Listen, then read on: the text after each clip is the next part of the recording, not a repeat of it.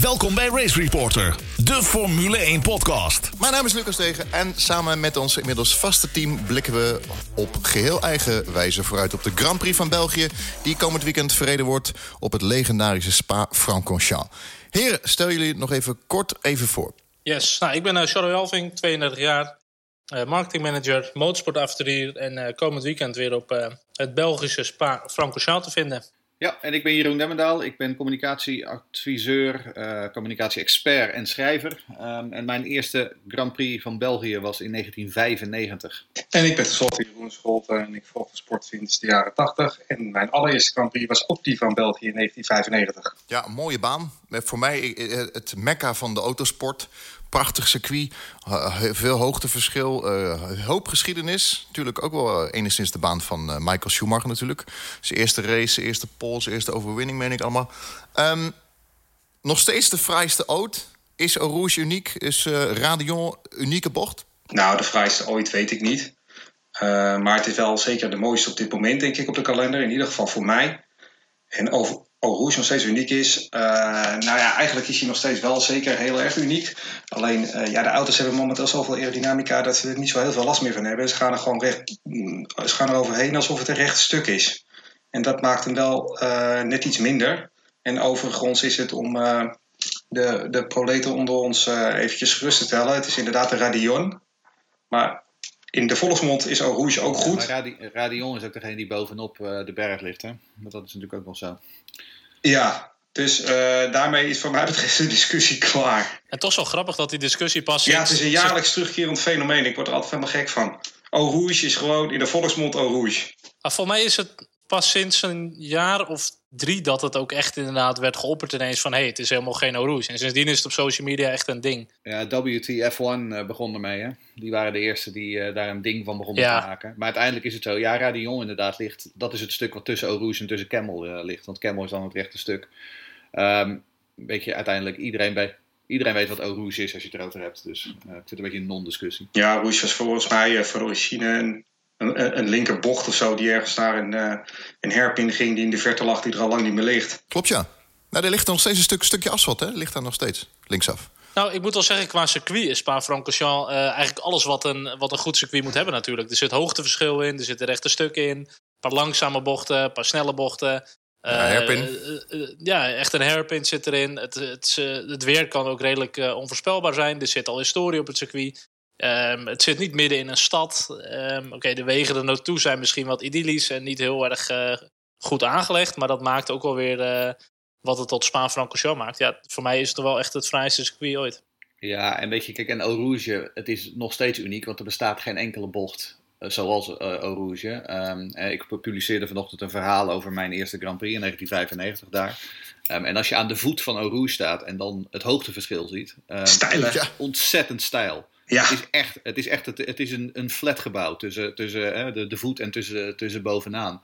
Um, dus ja, het is absoluut uniek. En inderdaad, de dagen dat Jacques Villeneuve uh, probeerde uh, te vergeefs om de volgas doorheen te, te knallen en iedere keer uh, in de banden eindigde, ja, die zijn voorbij. Echt hè? Dat is nou, ho, ho. Hij is één keer in een Sauber. Hij had één keer in een Sauber had hij onderstuur, geloof ik. En die heeft hij gecorrigeerd. Ja, maar, Of dat was het overstuur? Dat, ja, maar dat was vijf, zes jaar later. Want hij probeerde het eerst in die Williams en in die BAR een aantal keer. Rond uh, ja. 98, 99, 2000. Ja. Uh, en toen ging hij iedere keer de banden in. Um, Klopt. Maar goed, tuurlijk, wat Jeroen al zegt. Hè, het is inmiddels nu, er is zoveel downforce. Dat, ja, ze, ze glijden er nu wat makkelijker doorheen. Maar het is nog steeds wel een beste bocht hoor. Uh, Absoluut. Een, een, een, stevige bocht. En er is niks, er is niks als Eau Rouge.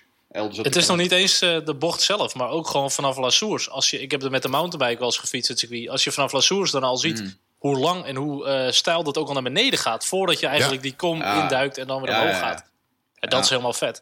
En ik had in 2017 was ik daar en toen was uh, Nobuharu Matsushita... die uh, toch inderdaad bij Radion rechtsaf ging in plaats van flauw linksaf.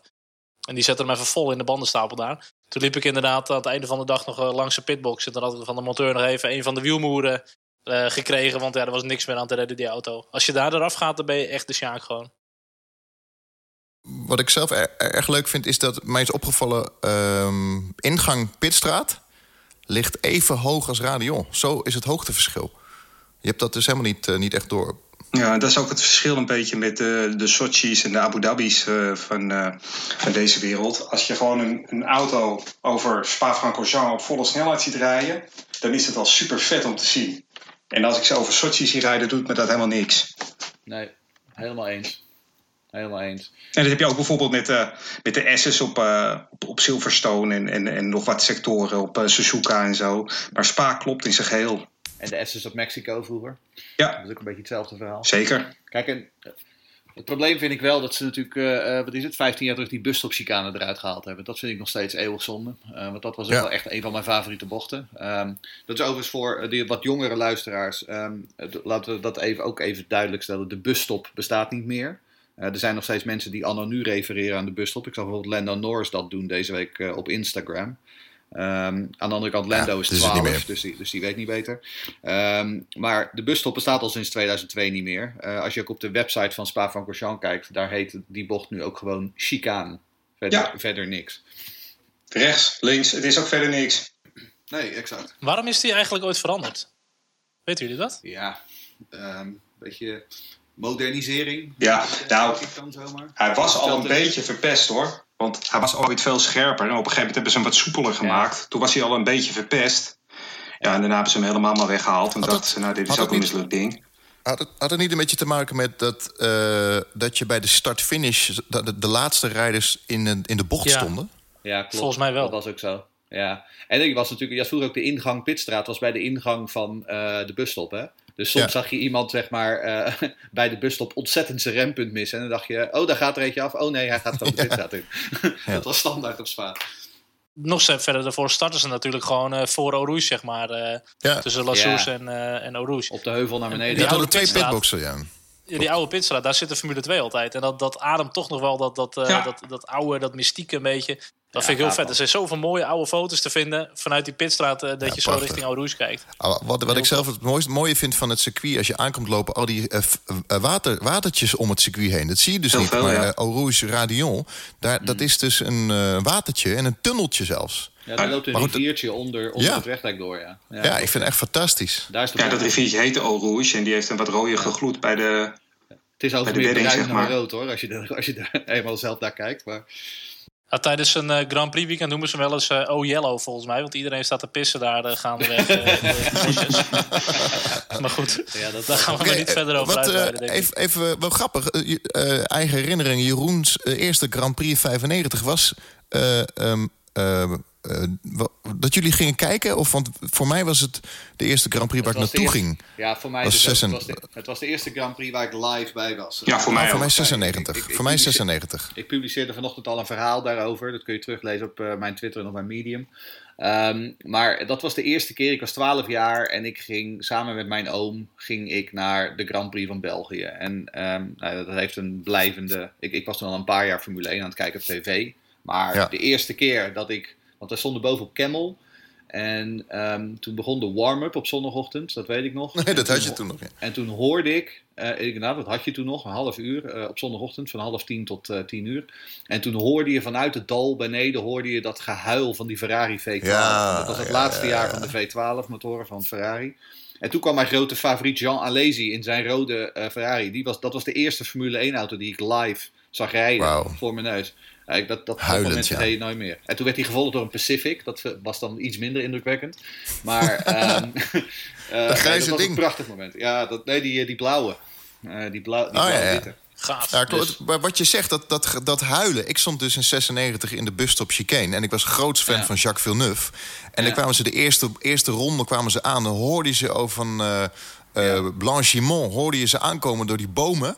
En dan kwam het hele veld kwam op je af. Prachtig. Uit de vallei, inderdaad. Ja. Toch wel grappig, want wij zijn dan allemaal uh, onze eerste Grand Prix op Spa van Francorchamps. Ik was Ja, in uh, 2002 was mijn eerste keer uh, live bij een Grand Prix. En wat Jeroen ook in zijn verhaal had, inderdaad, dat Eau Rouge is bijna gewoon omhoog klauteren gewoon. Ja. En uh, wij keken ook de race op de Camel Straight. Ja, ik, ik weet niet wat ik meemaakte, joh. En uh, er was nog die race dat Giancarlo Fisichella toen op de Camel Straight die, uh, um, zijn motor plofte. Ja. Um, in de Jordan, In de was dat. En toen uh, rende Jordan, ik nog ja. naar het einde rende ik toen. Naar Lecombe. En uh, om daar met mijn wegwerpcamera wat foto's te maken. Nou, voor mij heb ik die foto's niet meer. Ik vond het super dik. Echt een mega plof was dat. Maar de grap is dat daar, dat is het hoogste punt van het circuit. Ja. Ja, Het gaat helemaal nog na eh Radion. Hoe gaat het gewoon nog, nog omhoog? ja want Camel loopt ook op, hè? Camel loopt ook omhoog. Ik heb Ja. hem dus ooit op Ja. de mountainbike gedaan. En het is echt Ja. vals plat, hoe ze dat dan noemen. Want je, gaat- je Ja, fietst ja, gewoon ja. nog steeds omhoog. Ja. En dat Ja, vond ik wel absoluut. grappig om dan een keer zo te voelen, inderdaad. Ja, nee, het, het, het, was, het was inderdaad prachtig, inderdaad. Maar goed, het blijft gewoon een mega circuit. In die jaren 90 was het ook nog, een, was het ook nog deels eh, openbare weg, hè? Eh, Ja, het klopt. Een hele Oh, gedeelte, zeg maar, vanaf eh, eigenlijk gewoon het hele gedeelte van Blanchimol ehm, tot voorbij start-finish en dan omhoog via Eau Rouge langs Camel tot aan Lecombe was allemaal openbare weg. Dus je had ook nog wegmarkeringen op de weg staan toen, ehm, wat er later weggehaald is. Dat vind ik ook nog steeds jammer. Dat, dat, dat, dat, dat karakter eh, verdwijnt een beetje. Je hebt een, eh, er is een heel mooi op YouTube een eh, filmpje van eh, met Coulthard en Lewis Hamilton. Dan gaan ze echt het oude circuit nog bekijken met de oude muurtjes en de oude huisjes en dergelijke. Ja. Ehm, even, even terug naar andere oude races. Wat ik zelf ook heel mooi vond van, het, van dit circuit, omdat het zo groot is, dat het op bepaalde delen kan het gewoon keihard regenen, op andere delen eh, was het droog. ja. Ehm, dat gaf een aantal mooie races. Ik wil graag het even met jullie hebben over 95, 97, 98 natuurlijk, met die gigantische crash. Ja. Ja, voor mij is het nooit erger geweest dan in 98, is het. Ik, ik, wil, ik kan zo 1, 2, 3 geen ergere startcrash herinneren als 1998. Daar ging gewoon het halve veld Zo. ging er gewoon uit. maar 97 was natuurlijk ook in de stromen de regen. Dat was ook... eh, en 95. Ja, ik moet zeggen, ik heb die tijd niet zo bewust meegekregen. Maar 95 was, was gewoon. eh, was niet alleen onze eerste race, maar was ook wel denk ik een van de mooiste races die daar ooit verreden is hoor. Ja. Het duel tussen Schumacher en heel Schumacher op zijn profileerbanden en heel op zijn, op zijn regenbanden. In de hoos zonder regen. En het is nog steeds een eh, vraagteken waarom eh Hilda niet eh, zo eventjes langs kwam bij Schumacher. Zo. Maar dat had waarschijnlijk te maken met rijderskwaliteiten, vermoed ik. Ja, en het feit dat Schumacher hem bijna van de baan afdrukt op Blanchimont, waar die eh, na afloop eh, nog zijn beklag over. Ja, daar was ik toen heel boos over. Maar eigenlijk, eh, wat, Ja. wat ik was natuurlijk voor heel. En, en dit was Schumacher, en daar ben ik sowieso tegen. Maar eigenlijk, Ja. e- eigenlijk was het wel gewoon een goed race hoor. Ja, vond, vond ik ook. Maar ik bedoel, het was zoals als wel vaker met Schumacher. Het was allemaal weer een beetje op het randje natuurlijk. Ja, maar dat doet Verstappen ook. Maar hij heeft, Schumacher kreeg er ook volgens mij wel een voorwaardelijke straf voor. Ja, klopt. goed herinneren. Een race of zo. Maar goed, twee jaar later, hè, 97 in die Ferrari. Toen die, wat is het, 4, 5 seconden sneller reed dan wie dan ook. Ehm, In de regen, ja. stromende regen. Ja. De enige die hem een beetje bij kon houden was Giancarlo Fisichella en de Jordan. Ja. Eh, ik heb dat zelf altijd misschien wel de beste race van Fisichella gevonden. Wat in die dagen mijn favoriet was. Want de rest van het veld kon, hem gewoon, kon, hem, kon, hem gewoon niet, kon ze gewoon niet bijhouden. Eh, zelfs de grote regenmeester Jan Alesi in zijn Benetton niet. Ehm, ja, en 98 inderdaad. God, wat een, wat een, dat, dat bleef maar gaan ook. Want die hele wedstrijd was natuurlijk, eh, eh, zat vol met, eh, met crashes. Ja, laatste zege van Damon Hill. Eerste zege van Andy Jordan. 1-2 zelfs. Schumacher die bekoeld dat achterop rijdt. Ja, eh, en hem vervolgens bijna aanvliegt. Oh, dat hij toen met, met drie wielen terug naar de pit ja absoluut. Ja, En daarna eh, in de pits nog eventjes naar de pits van. McLaren om Coulthard. Dus eventjes eh, eh, de pits van Williams hij wilde hem echt aanvliegen, ja. Ja. Nee, McLaren. Een. Nakano achterin, weet ik nog. Ja, en, nou, klopt. Uh, Ja. Coulthard reed bij McLaren toen. Ja. En eh, we hadden natuurlijk 2000 hè, met Hakkinen en eh, Schumacher, Zonta in het midden. Ja, En zo razen ze over Camel Straight. Ik was, eh, dat jaar was ik trouwens ook eh, op Spa aanwezig. Alleen die, die gehele actie heb ik volledig gemist, want ik had geen videoscherm of zo in de buurt. Dus pas toen ik uren later thuis kwam, toen zag ik ineens die actie op tv. jij vond het niet de mooiste inhaalactie, had je gezegd. Ik, nee, ik vind Ja. het een heel erg overschatte inhaalactie. Kijk, het, het, het mooie is dat het, het gebeurt op ontzettend hoge snelheid. Dus dat is hartstikke mooi. Maar eigenlijk, de situatie ontstond een beetje. Ik vind het veel mooier zoals je bijvoorbeeld Verstappen bij eh, Nasser zag. Eh, die zie je echt opgebouwd worden aan de buitenkant langs Blanchimont en dan zo naar de chicane toe remmend. Dat vind ik echt mooi opgebouwd worden. Dit vond ik een beetje, deze ontstond een beetje bij toeval. Schumacher ging al naar links, dus Hakkinen kon niet anders en naar rechts gaan. Nou, maar er ging nog wel een aantal gevechten aan vooraf natuurlijk, hè? Ja, daarvoor, daarvoor inderdaad. Je hebt die befaamde foto waar, inderdaad, waar ze met elkaar in gesprek zijn na de wedstrijd. Ja. Ja. is inderdaad vooral omdat ehm, Schumacher een aantal ronden daarvoor bijna wederom Hakkinen het gras in duwde. Ja, met een, op een drie- 300 maar nog ik ben, wat. ik, ben het wel met je, ik ben het verder wel met, Ja. met Jeroen eens. Want ik bedoel, het was mooie televisie, die inhaalmanoeuvre op Zonta. Want Zonta die zat daar natuurlijk gewoon als een soort eh, eh, stukje ham op de sandwich. En die, Ja. die kon alleen maar stilzitten en geschoren worden. Ehm, maar verder was het inderdaad een beetje een gelukkige actie. In ja, het was technisch geen hoogstandje. Uh, als je bijvoorbeeld uh, die van Nigel Mansell toen op Silverstone bij Piquet... met die schijnbeweging actie en zo, dat, dat, vind, ik, ja, dat vind ik veel mooier. Iets, ietsje verder, verder in, in de geschiedenis vooruit. Um, ik kan me nog herinneren met, met Lewis Hamilton in gevecht met Kimi Raikkonen. Met nog twee, drie ronden voor het einde begon het ineens te regenen. De een na de ander vloog eraf. Ja. Ja, dat was erg. Ja, voor mij was dat wel een mooi gevecht. Uh, om en om van de baan afgeraakt. En, uh... Ja, dat was een Rijkoon in die Ferrari, was dat niet? Dat was 2007, ja, klopt. 2008 of zo, rond die tijd. Ja, zoiets. Het grappige is, ik zat, ik zat eens terug te denken. En de meeste uh, spaarraces die ik me kan herinneren... zijn allemaal uit de 90s. ja. Daarna is het allemaal een soort van blur geworden voor mij. Inderdaad. Ja, ja, dat heb ik ook wel, ja. Ik dacht, ik dacht dat het aan mijn, aan mijn ouderdom lag. Maar dat... Ja, dat zal bij mij ook het geval zijn, denk ik. Ja. nou, dan, dan hebben we het jonkie, Charles. Wat is jouw uh, mooiste Grand Prix van België? Ja, dat is een goeie. De meeste zijn toch wel de regenraces die echt wel spektakel brachten.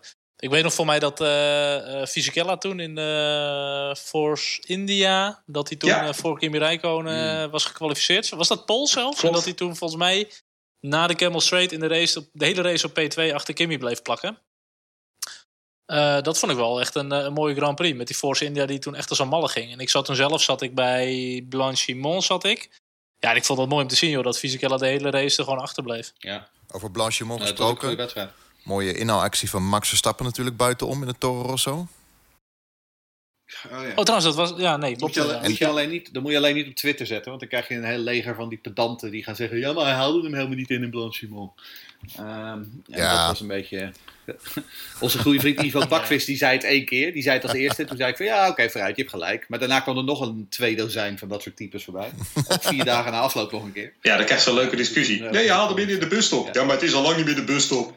Nou, dat was het in, in, in, in, die bocht hebben we nog een ene, ene Vettel gehad... die uh, een button, uh, hele rare inhaalactie... Uh, hoe zeg je dat? Hij, ja, de auto raakte uit balans. Raakte de McLaren in de zijkant. Een hele rare crash was dat. Oh ja? Dat kan ik echt niet meer herinneren. Nee? Dat weet ik niet meer. Nee, er staat me echt niks meer van bij. Ik kan me alleen nog die verschrikkelijke crash van Boerti herinneren in Blanchimont. Zo, ja. Ja. Jaguar. Nee, en in, de, in de Prost. En natuurlijk bij de start Grosjean die over het dak kwam van Alonso, die Alonso bijna onthoofde. Ja, in 2008 ja. hè. Hamilton, die, uh, Hamilton en Massa in 2008. Nou, we hebben het ook in de, de Jos Verstappen special natuurlijk besproken. 96, de Jos eraf. 96, ja. ja. Ja, Mooie dit baan. was natuurlijk ook de wedstrijd waar, waar Grosjean natuurlijk een aantal keer uh, wat veroorzaakte. En toen volgens mij na aanleiding van die startcrash toen ook daadwerkelijk die, uh, die, die, die waarschuwing of die straf kreeg, toch? Ja. Ja, toen ging je daarna inderdaad even een sportpsycholoog psycholoog opzoeken volgens mij. Ja. En we hebben in 2013 hebben we nog Guido van der Garde gehad, hè, die in Q1 gewoon derde was. toen zat ik inderdaad ook, nou ik noem het niet de busje op, maar gewoon bij de chicane zat ik inderdaad. Dat was ook wel uh, een voorloper van de Nederlands feestje daar zo. Dat je toch wel wat mensen hoorde juichen dat Guido het zo goed deed. Huh. Uiteindelijk in de race gewoon 16. Guido was echt goed, hè? Ja. Guido was, uh, Guido, Guido, was een, Guido was een soort Nick, Nick de Vries, wat dat betreft. Maar goed, daar gaan we het straks nog over hebben, geloof ik. Ja, klopt. Dit weekend, dus de Grand Prix Spa. Uh, Charles, jij gaat er naartoe. Vertel, heb je je paspoort? Heb je... Um... Um, ja, nou, we krijgen inderdaad ook heb tickets voor Spa. Dus ik, het is nu de negende keer dat ik heen ga. De zevende keer op rij. Dus... Uh, ja, ik heb wel weer zin in. Ik heb eh, voor het eerst in vijf jaar heb ik niet heel erg veel op de planning. Dus ik neem wat, uh, wat familie mee en ik ga met, uh, met Jeroen van Kester ga ik heen. En uh, nou, we gaan het wel zien wat er gaat gebeuren. Misschien een keer echt gaan genieten van de race in plaats ja. van tijdens de race al foto's na bewerken ja. en zo. Welke dagen, maar, welke dagen ga je? Ik ga alle drie de dagen, dus vanaf vrijdag zijn we Oké, vrijdag, leuk. maar ik moet nog even kijken ook wat voor toegang we hebben. En ik wil misschien nog even langs Virtuosi bezoekje brengen. Dus ik, ik wacht het nog even precies af. Wat voor kaarten heb je? Zitten, staan, lopen, liggen? Nee, nu heb ik gewoon bronskaarten. En uh, we gaan misschien nog wel even langs bij Virtuosi. Maar ik moet nog even contact hebben. Oh, mooi, dan dus kan je, ik, uh, ik, wacht het af. Dan kan je de eerste Chinese Formule 1 coureur vast goed te doen. Zoe! ja, wellicht. Zoe, wellicht ja. Uh, dan ga ik wel even een selfie met hem maken. Jeroen's grote favoriet. Ja, Zoe, die is echt heel goed. Even een, ja, dat is ook even een, een tipje voor mensen die staanplaatsen hebben. Neem een, uh, een, een, nee, een schepje. Een aardeschepje. Als je namelijk dat schepje meeneemt, dan kan je in, in, de, in de bergen, in het gras, kan je, een, een, voor je, inderdaad voor je billen een plekje gelijk maken en voor je, en voor je voeten. Een kuiltje graven, ja. ja inderdaad. Kuiltje graven, Goeie ja. tip. Ja, en vuilniszakken waar je ook keer gaat zitten, want het gaat regenen altijd. Ergens een keer. Net als- Of je kunt net als die Duitser in mijn verhaal... kun je gewoon zelf die draagbare televisie meenemen met zo'n antenne. En dan in een kapstoeltje proberen RTL Duitsland en Kai Ebel eh, op, de, op de beeldbuis te krijgen. My god, mijn goede. Ik, ik kwam hem mooi tegen in de tunnel van eh, Spa... met een of ander carnavalspak aan. Dick, Dick Kai. Hij is wel goed gekleed Ja, altijd, dat zeggen wij. Hij heeft al altijd carnavalspak aan. Hey, Max, is, Fotograaf die vent. Max is hier nooit, eh, heeft hier nooit echt succes gehad. Hij is Wel vorig jaar. uitgevallen. Ja, vorig jaar podium, toch? Ja, zeker. ja, true. Wat zijn de kansen dit weekend? Nou, hij kan winnen. Nou, sowieso weer een podium. Hij- Ik kan hem zeker winnen, maar ik denk... Nou ja, hij is, ik wil zeggen, hij is zelf optimistisch. Hij is zelf optimistisch, hè. En Honda en Horner zijn optimistisch. Ehm, Ja, hij kan ook gewoon winnen hoor. Ja, dat denk ik ook. Ik bedoel, kijk, weet je, Honda lijkt minder toe te geven qua vermogen eh, dit seizoen ten opzichte van vorig jaar. Ehm, en ik denk dat de auto het in, vooral in sector 2 gewoon goed zou moeten doen. Dus ik, ik, ik hoop op een podium, ik verwacht een podium. En, en ja, als het hem alles een beetje goed valt, waarom niet? Eh, waarom zou hij niet kunnen winnen? Ja, zoals het er nu naar uitziet, wordt het wel droog helaas. Tenminste, zoals het er nu Ja, naar uitziet dan. Maandag zou het kunnen gaan regenen, maar daar hebben we niet zoveel aan. Eh, ik denk dat die, eh, die Red Bull Honda inderdaad wel goed genoeg is, voor, zeker voor een podium. En hij is zeker een outsider voor, voor de race te winnen. Maar vlak Ferrari niet uit de bezig Ja, ik denk inderdaad dat, dat Ferrari moet zo voor kunnen blijven. En, en Mercedes, ja, Hamilton is gewoon sterk. Het zal niet heel warm worden, dus die Mercedes zal ook wel goed doen. Dus ik denk realistisch, als er niks geks gebeurt, Peter. Ja, maar Ferrari is in sector 1 en 3 heel goed, hè? Even een, even een vraag voor eh, Ja. ehm, mijn moeder, zeg maar, die Formule 1 gaat kijken. Je hebt hier rechtstuk, je hebt hier bochten. Eh, je hebt eigenlijk twee, twee rechte stukken waar je gewoon heel hard gaat. Hoe stel je auto af? Bochten of rechte stukken, snelheid? Nee, dat ligt net ook een beetje aan de filosofie van je auto. Eh, kijk, Red Bull moest de afgelopen jaren gewoon heel veel inleveren op topsnelheid. eh, om om toch in de bochten gewoon beter uit te gaan komen. Ehm, ja, Ferrari die juist van topsnelheid moet hebben. Ja, het is toch compromissen zoeken. Maar ik denk dat dit circuit echt wel een beetje 50-50 is hoe je hem gaat afstellen. Dat is net inderdaad waar verwacht je te gaan rijden. Kijk, die Mercedes die moet gewoon een goede kwalificatie hebben en dan kunnen ze wegrijden. Als zij in verkeer zitten, ja, dan moeten ze misschien toch wel weer gaan nadenken over een andere afstelling. Ja, kijk, even, Dus ja, de- En Ferrari moet natuurlijk gewoon zijn vermogen voordeel gaan gebruiken hier. Hè? Ik bedoel, als je uit La Source komt, dan moet je inderdaad naar beneden die, de, naar beneden die, eh, die heuvel af. En dan heel hard die heuvel op. En dan heb je dat lange rechte stuk. Ja, daar zou Ferrari met, hè, volgens eh, de TamTam, de sterkste motor. Die zou juist daar het voordeel moeten kunnen halen. Ja, die gaat daar En 10 daarna in dun pakken, hoor. Door, door Blanchimont. Ja, dat denk ik Ja. dus ook, ja. Die gaan daar Ja, echt. 10 dun pakken. En in die laatste sector gaan ze er nog eens een paar kleine 10 dun bij doen. Iets minder 10 Ja. Dus Ja. eh, Ferrari doet echt wel mee hier, denk ik. Ja, dat denk ik dus ook, ja. Ik denk juist dat, ik denk wel dat het gewoon spannend gaat worden. Ik zou het eigenlijk zo 1, 2, 3 niet durven zeggen. Eh Nou ja. Er echt gewoon top-dok is daar. Realistisch gezien is Mercedes de meest allround auto. Dus Ja. eh, die hebben zowel die snelheid, nou iets minder dan, maar zowel als de, de, de downforce en de, en de grip van de, van, van de Red Bull. Dus Ja, alleen Lewis Hamilton heeft hij niet heel vaak gewonnen. Nee, van de huidige grid heeft eh, Kimmy de meeste Ja, overwinningen. precies. Die heeft er vier gepakt. Ja, en die heeft ook een Ferrari Dus Dus je. joh. Race Reporter, de Formule 1 podcast. Racereporter.nl We hebben een luisteraarsvraag binnengekregen. We hebben een vraag van eh, Daniel. Ehm, Verstappen wordt hoogstwaarschijnlijk geen eh, eh, World Driver Champion meer. Maar denken jullie dat hij Bottas nog wel kan pakken? Ja, makkelijk. ik denk dat hij makkelijk Bottas kan pakken. Nee, als je ziet, nee maar als je ziet hoe die, hoe die Makkelijk. Red Bull de afgelopen tijd gaat... Nou, er komen ook nog wel een paar Red Bull baantjes aan. Hamilton is gewoon eh, on top eh, bij Bottas. Ja, dat, eh, dat moet wel te doen zijn hoor. Nee, wat ik zo, mo- wat ik zo mooi vond is dat, eh, dat ze bij Red Bull en bij Honda ook toegeven dat ze nooit hadden verwacht dat het zo goed zou gaan. Dat ook de, eh, de auto er eigenlijk niet op gemaakt is op die motor. De, de motor is te goed. Ja, maar goed. Ja, dat is een goed teken voor eh, volgend jaar. Exact, dat is, ik vind dat alleen maar goed nieuws inderdaad. Eh, en als je kijkt naar hoe het de afgelopen vier wedstrijden gegaan is, waarin hij eh, één keer tweede en twee keer gewonnen heeft. ehm, weet je, En Pol. Ja, en Paul. En in Silverstone had hij natuurlijk in principe ook gewoon op het podium moeten eindigen. Eh, dus het werkt wel, Ja. dat pakketje. Ja. Ehm, en ik Ja. ben het wel met je eens. Kijk, het, het is altijd met zo'n zomerstop. Moet je altijd even kijken hoe iedereen die zomerstop uitkomt. Maar eh, voor Max is dat over het algemeen geen probleem geweest. Om, om dan dat momentum vast te houden. Ehm, en Bottas teamgenoot. Ja, en Bottas daarentegen. Ja, ik bedoel, het, kan vriezen, het kan dooien. Je weet het nooit met die jongen. Eh, dus ik zou inderdaad ook zeggen, ja, ik denk dat Max een goede kans heeft om vice wereldkampioen te worden. Ondanks dat hij zelf zegt dat het niet telt, ehm, zou ik het toch nog steeds wel gewoon een prestatie van formaat vinden. dat telt toch ook niet? Je hebt toch veel liever gewoon dagsucces. Je hebt toch veel liever nog een paar zegens erbij. En dat je de rest uitvalt dan dat je tweede wordt met allemaal derde plaatsen. Maar, maar het een sluit het ander niet uit. Je kunt ook nog steeds een aantal wedstrijden winnen en nog steeds tweede worden. Eens. Jawel, dat is wel zo. Maar het, is wel, het, het heeft wel een beetje te maken met je filosofie. Hè? Want, want wat, hoe vaak ga je echt voor die, eh, voor die tweede plek in het WK? Dan zou je misschien wat minder geneigd zijn om Gridstraffer zo meteen te gaan pakken. Om een Honda... Uh... Nee, nee, nee, nee. nee. Ja, Nee, absoluut. Nee, dat moet hij zeker niet doen. Hij moet niet voor de tweede plek in het WK gaan. Maar ik denk wel dat als hij gewoon, wat jij zegt, nog een paar wedstrijden wint. en dan aan het einde van de rit gewoon netjes tweede staat achter Hamilton. dan heeft hij het gewoon heel, heel Ja, absoluut. en die, uh, die Japanners die willen natuurlijk op Suzuka dat hij weer een verse krachtbron heeft. zodat hij daar uh, echt kan gaan knallen. Dus ja, dat zijn van die kleine dagsuccessen. Is het eigenlijk net zo'n beetje bij de Tour. Je wil nog een paar etappes gewoon gaan winnen. En de rest uh, moet je misschien een beetje inleveren. Uh, Jeroen, je zei het heel netjes uh, hoe je uit de zomerstop komt. Nou, dat is wel een mooi bruggetje naar de teamgenoot van Max Verstappen. Albon verwisseld voor Gasly. We hebben het er veel over gehad. Nou, andersom. ja, sorry. Hebben Gasly verwisseld voor Albon. Nee, dat ligt dan, als je het vanuit Toro Rosso oogpunt bekijkt, ja. of niet hoor. Eens. ja. Ben ik het wel mee eens. Dankjewel, dankjewel. ja, dat is ook weer waar. Verwachtingen van jullie? Uh, nou, weet je, ik begin wel, want we hebben een, we hebben een vraag van Joost namelijk. Hè, die vraagt, wat zijn jullie verwachtingen van Albon? Nou, dat is een lekker open, uh, open vraag. Um, wat ik opmerkelijk vond toen het bekend werd gemaakt, uh, hè, en in, in de discussies die daarna volgden, is dat iedereen zei van ja, um, weet je, Albon staat nu onder ontzettende druk. Um, en ik zou willen zeggen dat Albon eigenlijk helemaal niet onder druk staat. Um, het punt is namelijk, als je, als je bedenkt, een jaar geleden, toen we ook in Spa waren, toen was um, Albon nog niet eens in beeld bij Toro Rosso. Uh, en Marco zei toen publiekelijk dat dat zo zou blijven. Um, nu zit hij in een Red Bull. Dus wat mij betreft, weet je, Albon heeft niks te verliezen. Hij heeft alleen maar dingen te winnen. Want in het slechtste geval gaat hij in 2020 terug naar Toro Rosso. En zelfs dat was aan het begin van het seizoen al een bonus voor hem. Dus juist daarom denk ik dat hij best kan verrassen. En wat mij betreft, de werkelijke druk ligt bij Gasly. Want die moet namelijk herstellen van deze klap. Van het feit dat hij nu gewoon ontslagen is bij Red Bull.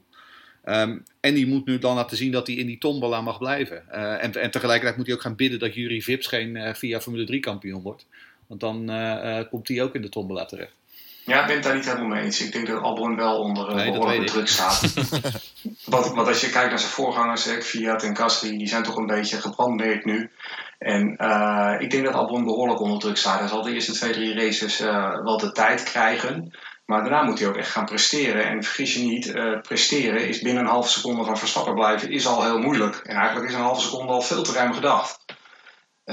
ik denk dat hij heel erg onder druk staat. Maar ik denk ook dat dat goed is. Ik denk dat dat de bedoeling is. Want als jij echt uh, bij een topteam wil rijden, moet je niet alleen een goede wagenbeheersing hebben, maar dan moet je juist onder dat soort druk kunnen presteren. Je moet juist op het moment dat het echt moet, moet jij die polronde kunnen rijden. Dat hebben ze ook gezegd, hè? Dat, ze dit, dat het ook een soort test is om te kijken ja. hoe ze ermee omgaan. En dat is Marco, dat is Helmoet Marco. Die doet al die psychologische spelletjes en die wil die druk erop hebben bij die jongens. En die, die, die, die doet af en toe rare uitspraken in de media, juist om de jongens te triggeren. Ik geloof echt dat, dat het ook een soort van mentale test is. Oh, absoluut. Nee, maar dat heeft, dat heeft hij ook gezegd, hè? Ik ben er zelf nog niet helemaal achter um, wat voor type persoon Albon in dat opzicht is. Want er zijn coureurs die, die doen het juist goed onder druk. Uh, en er zijn ook jongens die, zodra hij er echt druk op zet... en dat zie je een beetje met een Gasly... dan gaan ze juist over die limiet en dan gaan ze juist foutjes maken. Ja. Um, ik denk wel dat er in dat opzicht in Albon iets minder druk op zit. Want eigenlijk dat stoeltje hebben ze al niemand voor die perfect is. Ze scoren er al niet op. Laat ze dit nu gewoon testen.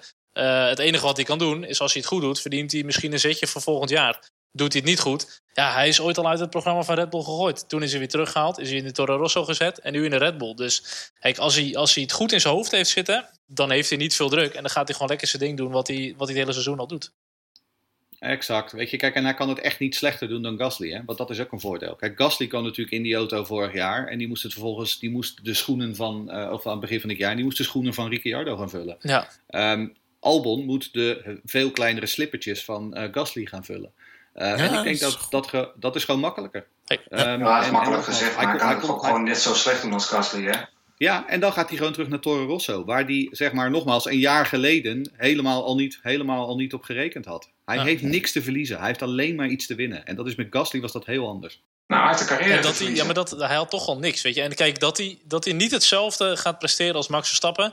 Uh, ik denk dat we daar wel over eens kunnen zijn. En dat weten ze bij Red Bull ook wel. Ja, en dat mocht weet hij, iedereen ook. Mocht hij een goede uh, rugdekking zijn voor Max... en uh, meer punten scoren dan Gasly... ja, dan is het voor hem al een dikke win. Als hij hetzelfde doet als Gasly, doet hij het ook niet slecht. Dus ja, ik denk dat hij gewoon lekker moet gaan rijden... zijn hoofd leeg houden en gewoon focussen op zijn eigen resultaten. Ja.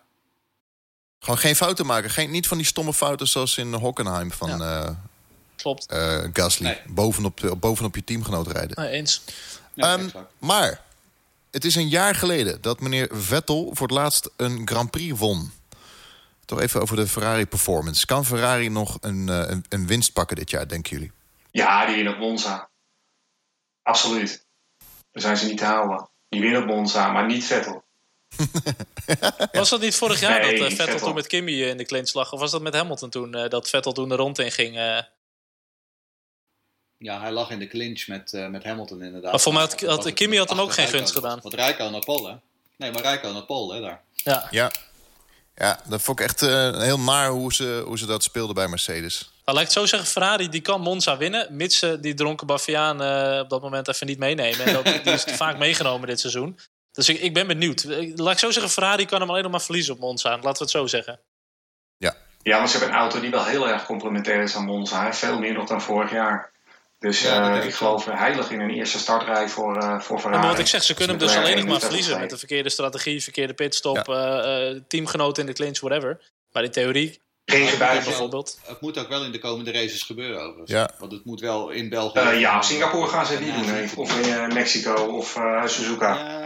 Mooi. Suzuka inderdaad. Dat was degene die ik nog voor mezelf had opgeschreven als, als mogelijkheid. Maar verder, eh, Singapore, Mexico, Brazilië? Nee, dat zie ik echt als Mercedes Red Bull eh, territory. Maar toch zou het wel echt heel erg leuk zijn als Max gewoon kan gaan aanhaken bij die Mercedes, bij Hamilton. En dat Ferrari ook weer helemaal in de mix is. En dat je echt gewoon een, Ja. een three-way fight gaat hebben, gewoon met zes coureurs. En dat het echt een grote tombola is wie pole Nou ja. pakt, wie gaat winnen. Hoe mooi zou dat zijn? Nou, het, is een, het, het is een fight van vijf coureurs hè, op dit moment al. Ehm want eigenlijk alleen die tweede Red Bull speelt niet echt mee. Maar Ik, ik zeg het al vaker, ehm, nogmaals, ik zie Formule 1 als een schooljaar. Nu begint eigenlijk het, het nieuwe seizoen. Dus dit, eh, denk ik, de, de tweede helft van het seizoen bepaalt ook de, het begin van volgend jaar. Als Ferrari het nu goed gaat doen, dan zitten ze er volgend jaar ook nog wel bij. Maar als Ferrari nu nog slechter gaat doen... Maar dat eh, is een beetje mijn theorietje. Oh, nou, we het toch over twee- 2020 hebben. Transfernieuws. theorietjes. True, true. Ehm, ja, god. Wa- waar beginnen we, jongens? Tombola.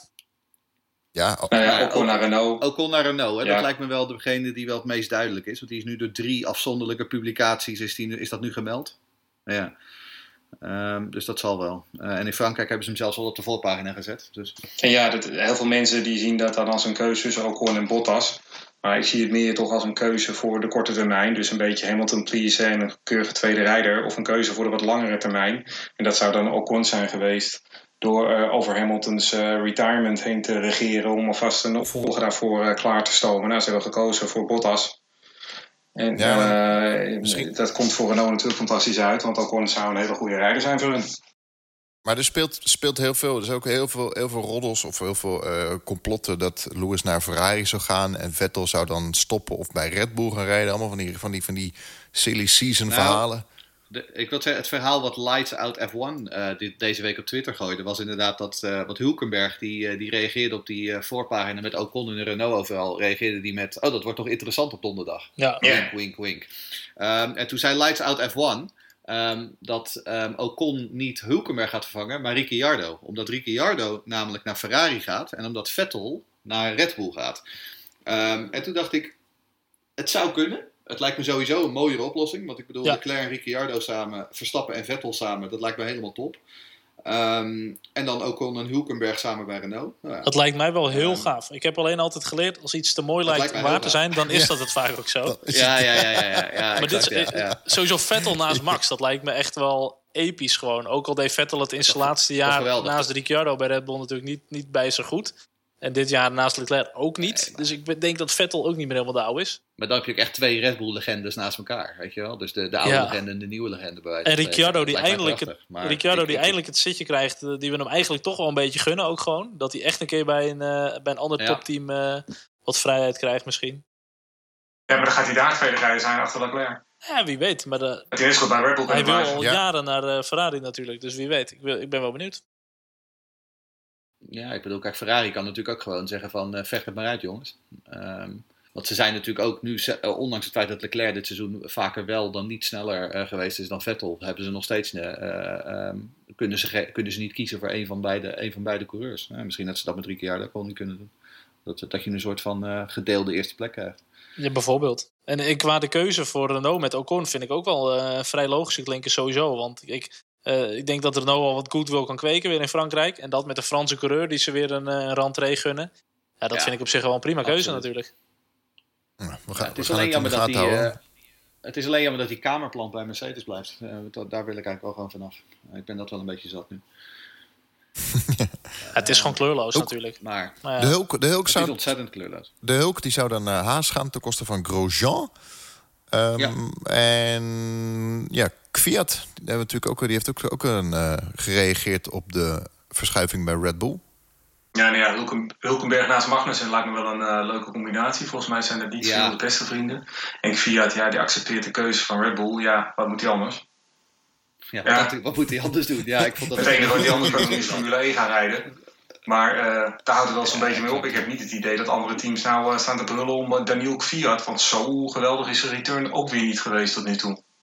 En maar toch doet hij het wel slim, Kvyat. Want hij werkt gewoon hard. Hij is gewoon nederig. Hij laat zich niet negatief uit. En dat legt hem op zich ook nog geen windeieren. Hij is niet de beste coureur, maar hij zit er nog wel. En mocht Albon het echt zo slecht gaan doen... nou, dan zit Kvyat ook wel weer iets gunstiger misschien ik zie dat niet zomaar meer gebeuren, maar je weet het niet. Uh, hij rijdt er nog wel nog steeds. Maar zien zij iets dan in, in de data? Want dit, dit is, we hebben het nu over een, over een, het, een half jaar al, uh, album. Um, maar zien zij dan dat Fiat gewoon het nooit gaat, nooit gaat redden?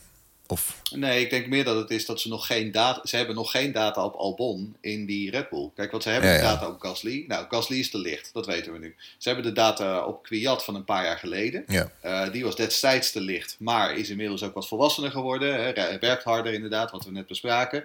Dus hè, daaruit kun je dan een beetje uit uh, extrapoleren dat hij misschien het ook wel wat beter zou doen dan een paar jaar terug. Ja. En dan heb je Albon nog. En dat is je wildcard. Ja. En dus ja, wat ga je nu doen? Ik bedoel, Charles gaf dit eerder dit jaar al aan. Hè? Als, als Red Bull slim is, gooi ze na de zomer een van die andere gasten erin om, om zichzelf goed te testen voor 2020. Zodat ze een uh, goede beslissing kunnen nemen. Nou, dat is wat ze nu doen. Ja. Ik vind het wel gewaagd. ik vind het wel stoer. Ja, maar het is ook typisch Red Bull. Red Bull is altijd zo, is altijd, heeft, heeft altijd zo geopereerd wat we niet moeten vergeten is Red Bull is natuurlijk niet alleen een Formule 1 team, maar die verkopen natuurlijk energiedrankjes. Um, die hebben natuurlijk de Russische markt hebben ze al, uh, ja, niet alleen in blikjes hoor, ook in flesjes en in andere uh, vormen. Maar ze hebben natuurlijk Rusland hebben ze als afzetmarkt gehad met Fiat. Um, Gasly, ik denk dat Frankrijk niet heel denderend is. Maar Thailand, waar natuurlijk van origine Red Bull ook deels volgens mij ontstaan is is natuurlijk voor hun een gigantische markt. Ja, als hun da daar kunnen gaan afzetten en uh, een grote marktaandeel kunnen krijgen. En aandeel, dat is gewoon geld weer voor, voor Red Bull. Ja, het kan ook een beweegreden zijn dat ze toch zeggen: doe dan uh, nee, uh, Albon. We, we, gaan het gewoon zien. We kunnen er kort en lang over hebben. Maar, um... Ja, maar dat is juist het leuke om er kort en lang over te hebben, Lucas. Um, oh ja, en Kubica, die heeft gezegd, Kubica heeft nu in een interview gezegd dat het onzeker is wat hij gaat doen in 2020. Um, ehm, en als dan vandaag werd bekend dat uh, Nicolas Latifi in, uh, op vrijdag in FP1 weer in de Williams rijdt, dan tel ik dat gemakshalve even bij elkaar op. Yeah. En dan ga ik zeggen dat Latifi in 2020 in die Williams zit. Is dat een 1 plus 1? Maar het is wel een eye-opener dat Kubica onzeker is voor 2020. Nou, het schijnt zelfs dat Kubica dit huidige seizoen pas afmaakt in 2020. Zo lang hij. Dus... dus vandaar is dat wel logisch misschien. Uh... Die, die rijdt Abu Dhabi in februari ja. volgend jaar. Ja. ja, dat is het is eentje. Race Reporter, de Formule 1 podcast. Formule1podcast.nl Maar we hadden nog wat vragen, hè? We hadden nog wat vragen ook. Laten we die even doornemen. Ik begin met de eerste. Uh, Monique Boormans die vraagt ons: wat is de meest hilarische silly season roddle van dit seizoen? Ik vond Ricciardo naar Mercedes wel opvallend. Um, Ricciardo naar Mercedes. Ik geloof niet dat ik die zelf ergens gelezen heb, maar dat is inderdaad wel een hele opmerkelijke. Ik zie het ook niet zo 1, 2, 3 gebeuren. Um, ja, ik ga het combineren met uh, de verhalen over Nick de Vries. Um, namelijk het feit dat hij in geen enkele roddel voorkomt. Uh, ondanks het feit dat hij op weg is naar een Formule 2 titel. Um, ik, ik, ik vind dat het meest opmerkelijke. Um, Nick de Vries um, komt gewoon niet in het verhaal voor. Um, wordt nergens genoemd. Eh, als je dat dan vergelijkt met iemand als Albon, die vorig jaar derde werd in het uh, Formule 2 kampioenschap. Maar die, uh, die uiteindelijk wel gewoon in de Formule 1 eindigt.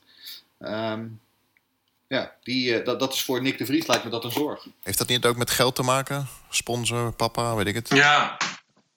Ja, waarom zou Nick de Vries genoemd moeten worden ergens dan? Nou ja, dat is de vraag. ja. Nou ja, hij is genoemd door Joost. En dan doen we misschien een vraag in een vraag. Maar Joost die vraagt inderdaad, als Nick de Vries Formule 2 kampioen wordt en geen Formule 1 haalt, krijgt van iemand een kratje bier. Hoe groot is die kans? Uh, nou, dan zou ik zeggen, koop hem maar alvast als je in de aanbieding is. Dan heb je hem alvast staan. Um, ik zie dat niet zomaar gebeuren. En uh, ik had toevallig ook de, uh, met, je, met Jeroen Demmendaal over van de week met uh, Rinus 4K in de, in de, in de, in de IndyCar. Dat hopelijk Jumbo hem volgend jaar gaat sponsoren om daar te gaan rijden. Ja, Nick de Vries wordt natuurlijk ook deels gesponsord door Jumbo. Is ook bij het, het endurance team van Racing Team Nederland van Jumbo aangesloten. Maar ik zie er niet dat die ook nog even extra gaan neerleggen, zodat Nick in de Formule 1 kan komen. Nee. En verder is het denk ik dun gezaaid qua, qua grote sponsors. En dat, dat moet hij gewoon hebben, anders ga je het niet en waar ook, hè? Waar, zou die waar zou die plaats kunnen nemen? Want als je gaat, inderdaad een beetje gaat kijken wat er dus nu wel besproken wordt in die transfermarkt. Uh, de meeste teams zitten dan ook gewoon al vol. Uh, er, is gewoon geen plek, er is gewoon geen plek voor hem. Nee, en hij heeft ook geen echte link met een team. Hij is natuurlijk wel uh, simulatorrijder bij Mercedes. Maar geen Mercedes junior. En bovendien heeft Mercedes nee. al moeite genoeg om Ocon en uh, Russell aan het werk te houden. Dus ik, ja, zie, kijk, ik, zie, echt geen kansen voor hem. Waar nog plekken gaan komen buiten de topteams zou Alfa Romeo kunnen zijn. Maar goed, Giovinazzi is een Italiaan. Die zullen ze niet zomaar uh, eruit gooien. Mick Schumacher staat natuurlijk al uh, deels uh, klaar. Haas F1, dat gaat misschien Grosjean er hopelijk uit. Maar goed, die zullen die zomaar een Nick de Vries erin zetten. Ja, ik zie ook niet nee. verder geen plekken. Ja, ik zie, ik zie naar, ik zie naar Ferrari, Ferrari-achtige teams zoals Haas en Alfa Romeo zie ik niemand gaan die geen link heeft met Ferrari. Ik zie het niet gebeuren. Nee, bij, Alfa, bij Alfa Romeo werd nu deze week werd uh, Giotto genoemd als mogelijke vervanger van, uh, van Giovinazzi. Maar dat lijkt me een beetje lood. Dat is logischer. Lood om oud ijzer overigens. Want dat is, uh, ik geloof niet dat je daar heel erg. Nee, maar dat is logischer dan ik de Vries bedoel ik. inderdaad, ja. En maar goed, Alfa Romeo die heeft het getest met Giovinazzi. Dat is hem niet. Giotto is echt wel een goede racer ook gewoon. Misschien niet puur kwalificaties, maar in de races doet hij het echt wel goed hoor. Bandenmanagement ook ja, wel. absoluut. Maar dat mag ook wel na vier jaar, hè? want hij zit inmiddels een vier jaar in die Formule 2. En dat, dat is natuurlijk ook het probleem met Nick de Vries. Nick de Vries zit er inmiddels ook al drie, vier jaar en kan nog steeds zijn banden niet managen. Uh, en dat zien ze in de Formule 1 paddock natuurlijk Klopt. ook. Um, hij heeft dat nog steeds niet helemaal onder ja, dat is wel het belangrijkste. Ja. Uh, dan hadden we nog een vraag ook um, die, van uh, Chris. Die vraagt van ja, Hulkenberg naar Red Bull in 2020 als Albon niet presteert. Why not? Uh, want dat is inderdaad ook, er zijn een hoop mensen op Twitter die vinden dat uh, Hulkenberg een goede teamgenoot voor Verstappen zou zijn. Um, nou, why not? Ten eerste omdat het geen um, Red Bull junior is. En ten tweede omdat de man, wat is het, bijna 200 Grand Prix heeft gereden en nog steeds niet op een podium heeft gestaan. wat mij betreft is hij gewoon niet goed genoeg. Ehm, ja, hij is gewoon niet goed genoeg. dus ik zou, ik zou het ook niet doen als ik Red Bull was. Dat klopt, dat is ook een vraag van Liane. Hè? Die vraagt zou Hulkenberg een verbetering zijn ten opzichte van Fiat? Nou, nee. nee. Ja, bij Toro Rosso, bij Toro Rosso wel, maar bij Red Bull niet, lijkt me. Bij Toro Rosso wel, ja, maar...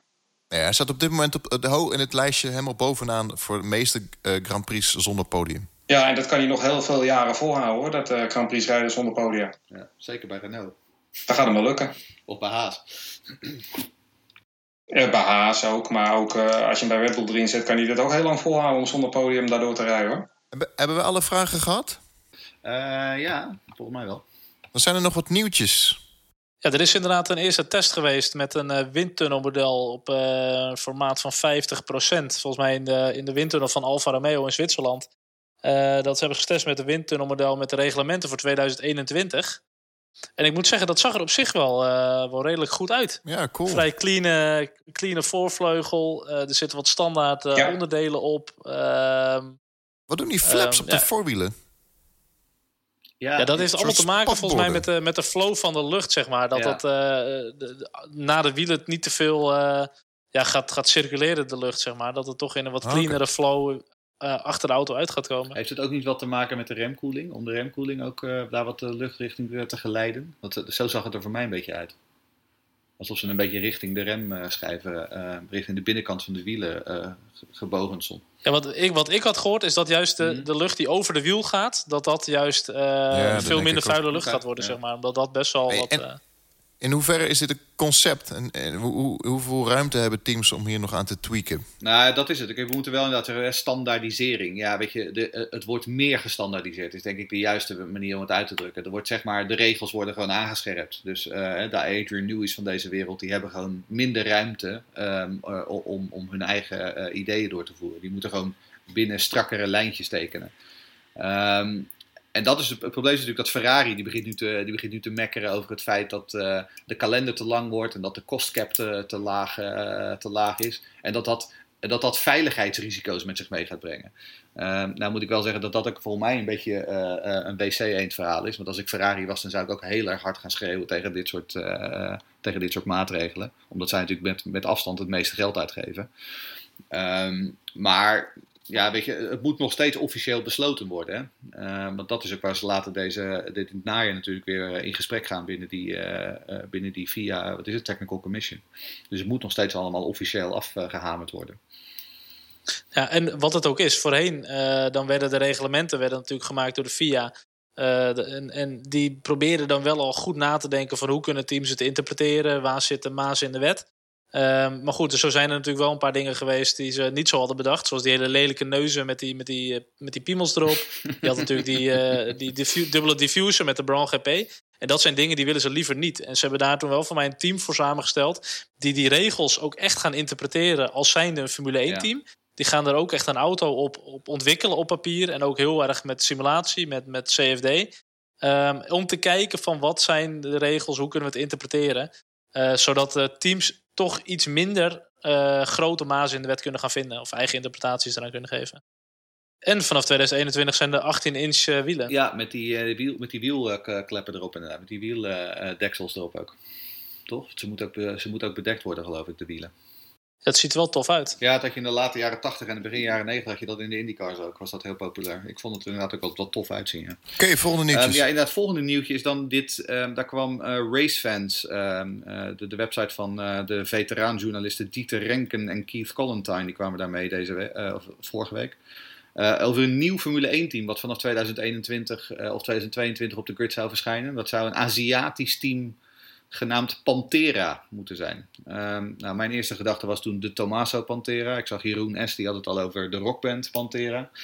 Um, ik vind het een beetje een vreemd verhaal. Het punt is namelijk dat racefans de enige was die het verhaal had. Zij waren uh, degene die met de scoop kwamen. En daarna is er helemaal niks meer gevolgd. Ze hebben zelf geen follow-up geschreven. Er zijn geen andere media die vervolgens een follow-up verhaal hebben geschreven. Um, dus ik, weet, ik, ik vraag me af of het echt gaat gebeuren. Het is, het, het, op dit moment klinkt het allemaal nog een beetje als een, uh, een, beetje een smokescreen verhaal. Maar ik weet niet hoe jullie het interpreteren. Ik moet wel zeggen, Dieter Renken is uh, vaak wel echt heel goed ingevoerd ja, in, de, in, de, Formule 1 paddock. En wat ik, wat ik ook hoorde, dat dit team voornamelijk de reglementen gaat afwachten voor 2021. Dus het is ook voor hun uh, echt wel oriënterend. Kijken wie ze kunnen binnenhalen, kijken wat de reglementen gaan doen. Uh, ja, mocht dat goed genoeg zijn, ja, dan moet je natuurlijk gaan doorpakken. En ze willen natuurlijk, zoals het dan wordt genoemd, het Haas-model gaan gebruiken. Mocht dat mogelijk zijn, dat je zoveel mogelijk onderdelen gewoon koopt. Dus zo min mogelijk zelf ontwikkelen. Je chassis laat je misschien wel uh, door bijvoorbeeld een Dallara of zo ontwikkelen. En eigenlijk is het gewoon alles in elkaar zetten en uh, zelf nog bouwen wat echt moet. Maar dat is relatief gezien het goedkoopste en het meest efficiënte. Ja. Nou, daar komen natuurlijk ook die nieuwe reglementen van 2021 weer in. Hè? Ik bedoel, als, als je meer standaardisering krijgt, um, in combinatie met een cost cap, dan zou dat er juist weer voor uh, kunnen zorgen dat je meer teams op de grid krijgt. Um, en dat zou ik in principe een, ja. uh, een prima zaak vinden. Ja, dat vinden wij, ja. Maar Cyril Abitepoel gaat er natuurlijk tegen ageren, zoals je ook tegen Haas altijd ageert. ja, dat is al getwijfeld, ja. Maar goed, wat, in ieder geval wat ik vreemd vind, is normaal gesproken als, een, als één uh, publicatie met een scoop komt, dan duiken allerlei andere media daar ook op. En die gaan dan hun eigen verhalen schrijven. Maar niemand heeft dat gedaan. En dat snap ik niet zo goed. Het een beetje, gaat een beetje tegen de medialogica in. Is misschien ook nog niet zeker. Ja, Formule1.nl die heeft hem wel overgenomen inderdaad van uh, racefans. Maar verder heb ik hem ook nog niet heel erg groot voorbij zien komen. Maar goed, misschien wachten ze gewoon even af. Maar goed, het zou wel goed zijn voor de Formule 1 om toch wel weer wat teams erbij te gaan krijgen. Ik vond het de tijd dat je 22 teams had, vond ik niet heel verkeerd, zeg maar. Het is ook wel wat gezonder, denk ik. 22, 22 auto's. We hebben het over 89, 1990, toen we nog pre-kwalificatie hadden. Toen hadden we ongeveer 22 teams. Dat was, dat was mooi, hè? Vrijdag, Vrijdag, Dat is vrijdagmorgen kwart negen. Moest je kwalificeren voor de Ja, maar dan had je wel teams erbij die gewoon echt 10 seconden te langzaam waren. De, de 107% regel, omdat bepaalde rijders gewoon te langzaam Ja, dat kwam- waren. Die mochten niet eens meedoen. Ja. dat kwam daarna inderdaad, ja. Daar heeft Damon Hill nog een keer last van gehad, van de 107% regel. de Arrows in Australië in 97. Dan kwalificeerde die zich niet. Ehm, Oei, oei, oei. Ander nieuws. 2020. Spanje blijft. ja, Duitsland gaat. Duitsland gaat. Ja. Ehm, we, ze kijken nu naar 22 races. Volgens eh, vanochtend werd, eh, werd eh, door, de, door de FIA ook de, de preliminaire kalender bekendgemaakt, inderdaad. Ehm, ja, 22 races, jongens. Het worden er wel steeds en steeds en steeds meer. Drukke weekenden. Ja, ik snap wel dat de teams daarover klagen ook. En, en, ja, ik, vind dat wij ook wel mogen gaan klagen, want wij moeten steeds weer een podcast opnemen. Ik vind Ja, dat wij ook dat. ik snap ook... Ja. Vreselijk. Echt drama. Ook dat is echt afschuwelijk. Maar dat Spanje blijft in Duitsland gaan, daar heb ik wel heel veel moeite mee. ja, ik ook. Als ik, als ik afgelopen eh, de zomer in, de, in Duitsland ben, dan zie ik dat helemaal stampend vol zitten. Terwijl de publieke lang- belangstelling in Spanje eh, heel erg afneemt. Daarbij is eh Hockenheim niet meer het Hockenheim van toen. Maar nog altijd een, eh, een, een- toch een heel mooie historische baan. In Spanje vind ik helemaal niks. Dat vind ik, dat vind ik eh, Spanje is de Valtteri Bottas onder circuits. Misschien is dit het moment om een petitie te, te beginnen te gaan demonstreren dat Duitsland, het oude Duitsland, weer terug moet komen. Maar vergeet Ja. ook niet hè, dat vanaf volgend jaar de Dutch Grand Prix erop staat. Dus al die Nederlanders die nu op Hockenheim zaten, die zullen ongetwijfeld eh, eh, in grote getalen wegblijven, omdat ze toch naar de Dutch Grand Prix gaan. Dus het is financieel gezien voor Duitsland, ik denk ook wel een groot risico. Hmm. Ja, en nu... ehm, Ja, dat weet ik Met niet. het, overigens met het risico dat we nu te veel racefans gaan pluggen. Maar die hadden eerder deze week al een aardig stukje over de hele eh, logistieke puzzel rond die kalender van, eh, voor volgend jaar. Ehm, want er, is, er wordt er heeft ook een aantal mensen nu al gezegd dat het zo lang duurt voordat de, de kalender voor het nieuwe seizoen bekendgemaakt wordt. Maar dat heeft dus te maken met het feit dat er A, meer races dan ooit zijn.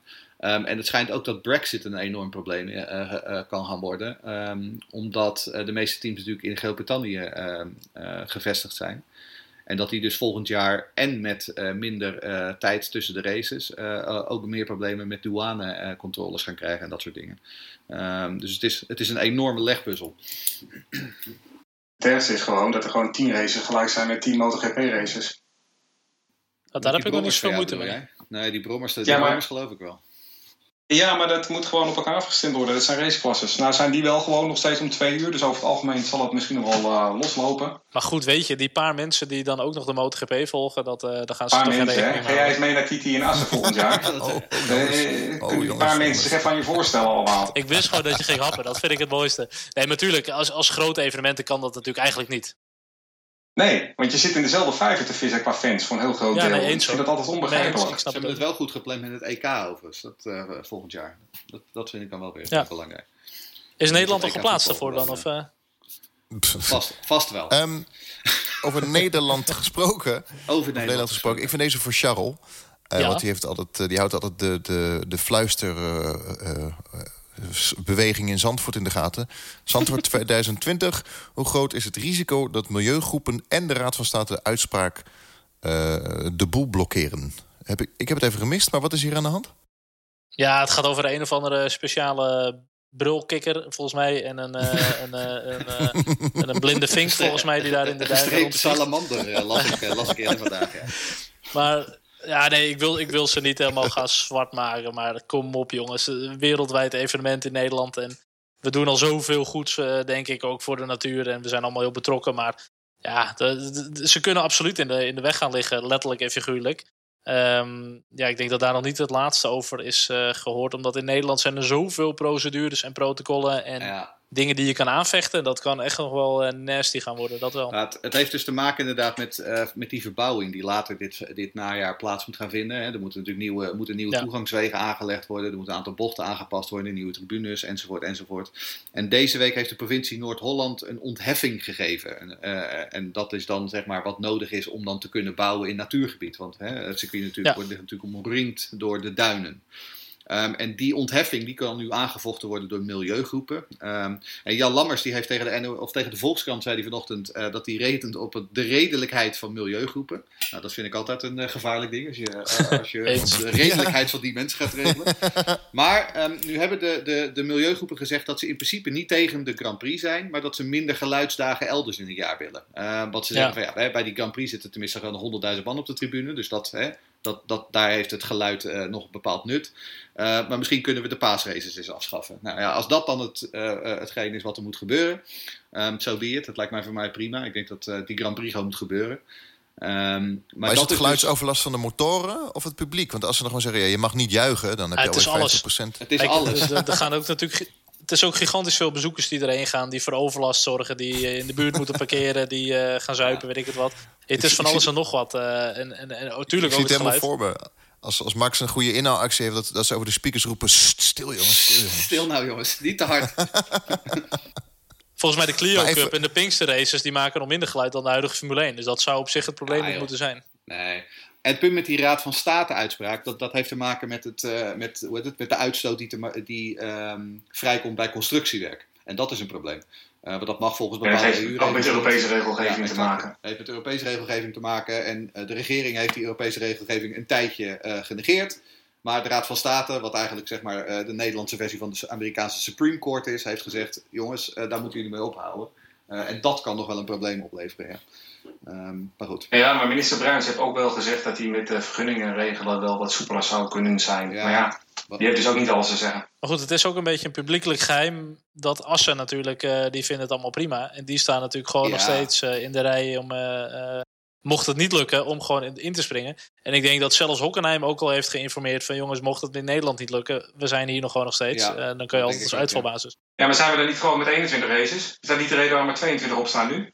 Ja, weet ik niet. Ik denk het niet. Ik denk dat ze dan, als ze eenmaal 22 races willen en daar ook de contracten van maken, et cetera, dat ze dat ook wel willen gaan doen. Ja, maar willen ze 22 races? Dit is een voorlopige kalender met 22 races. Dat is niet ze zeggen dat het definitief 22 races wordt. Nee, maar goed, daar, daar hebben ze al een tijdje over dat ze toch wel naar meer races toe willen. Maar Vietnam is ook nog niet bevestigd. Kijk, en ik denk ook dat als straks de kalender officieel uh, uit wordt gegeven, dat er achter Zandvoort gewoon nog een asterixje gaat staan. Um, zoals we dat in het verleden met wel En achter uh, Vietnam en, achter Interlagos misschien wel. Exact, ja. We hebben dat in het verleden wel met andere races gezien. Um, nou ja, wat, nou ja, hoe dan ook. Uh, het wordt nog even afwachten. Maar um, ik denk dat het uiteindelijk allemaal wel losloopt. Charles, uh, ik wens je heel veel plezier in, in Spa komend weekend. Ja, dankjewel. Dat komt zeker goed. Geniet ervan. Ja, dat ga ik zeker doen. Oké, okay, uh, heren, uh, hartstikke bedankt voor de spa Graag gedaan. Tot de volgende keer. Voor beschouwing. Uh, iedereen heel veel plezier aanstaande zondag de Grand Prix. Hoi hoi. Okay, van België. Hoi.